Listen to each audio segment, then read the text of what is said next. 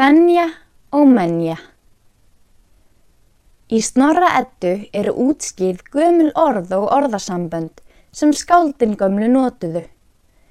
Þessi orð tengjast gjarnan ásum og jötnum og fornum hetjum. Þetta eru eiginlega hálgerðar gátur, kallast kenningar, sem snorri leggur fyrir okkur og svarar síðan sjálfur með sögunni sem er á bakvið gátuna. Hvers vegna er til dæmis gull kallað mjöl fróða? Svarið við þeirri spurningu kemur fram í eftirfarandi sögu úr snorraðetu.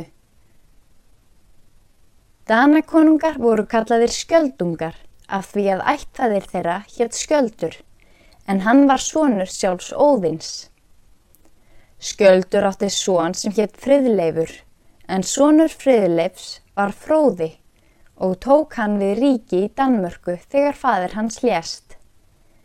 Þetta var á þeim tíma þegar Ágústus keisari ríkti í Rómarborg og Jésús Kristur fættist í Betlehem. Ágústus keisari kom á friði í heiminum. En af því að fróði var voldugasti konungur á Norðurlöndum, töldu menn að friðurinn þar væri honum að þakka og töluðu því um fróðafrið. Friðurinn var svo mikill að enginn framdi víg eða mandráp, jafnvel þó hann hitti á förnum vegi þann sem áður hafði drepið föður hans eða bróður. Og engum datt heldur í hug að ræna eða stela. Þess vegna tók engin upp gullring sem lá árum saman fyrir augum manna sem ferðuðust um jalangursheiði. Einu sinni var fróða konungi bóðið til fjölnis konungs í Svíþjóð. Í þeirri ferð keifti hann tvær ambáttir sem héttu Fenja og Menja. Þær voru miklar og sterkar, en það voru þær af ætt jötna, en það vissi fróði ekki. Þegar hann kom heim frá Svíþjóð með ambáttirnar, vildi svo til að maður sem hétt hengikjöftur gaf honum tvo kvarnarsteina eða millusteina. En þeir voru svo þungir að enginn var svo sterkur að hann gæti malað í þeim korn. Þessi kvörn hétt grótti. Svo náttúra fylgdi henni að sá sem malaði gæti sagt henni hvað hún ætti að mala.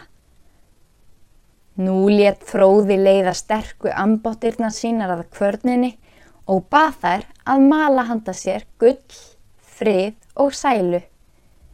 Það er reyndust nógu sterkar til að geta snúið kvörninni. En hann gaf þeim ekki kvíld eða svepp nema þann stutta tíma sem gaugurinn þegir á nóttunni. Eitt sinn meðan ambáttirnar möluðu kornið þöldu þar kvæði sem kallaðir gróttasöngur. Þar sögðu þær ímislegt um uppruna sinn meðal jötna en áður en þær luku kvæðinu hófu þær að kveða fróða bölbænir vegna þess að þeim sárnaði hvað hann beitti þær mikilli hörku. Og nú möluðu þær hér að fróða. Þessa nótt kom sækonungurinn Mísingur að höll fróða og drap hann og tók mikið herfang. Þar með var fróðafriður og enda. Mísingur hafði kvörnin að gróta með sér út á skip sitt á samt ambáttunum fennju og mannju og skipaði þeim að mala salt. Þegar komið var fram á nótt spurðu þær Mísing hvort ekki væri komið nógu af salti. Hann sagði þeim að mala lengur. Þær heldu þá áfram að mala en að lokum var saltið orðið svo mikið að skipið sökk.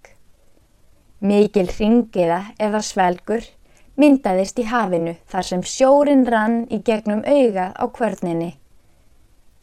Eftir þetta varð sjórin saltur.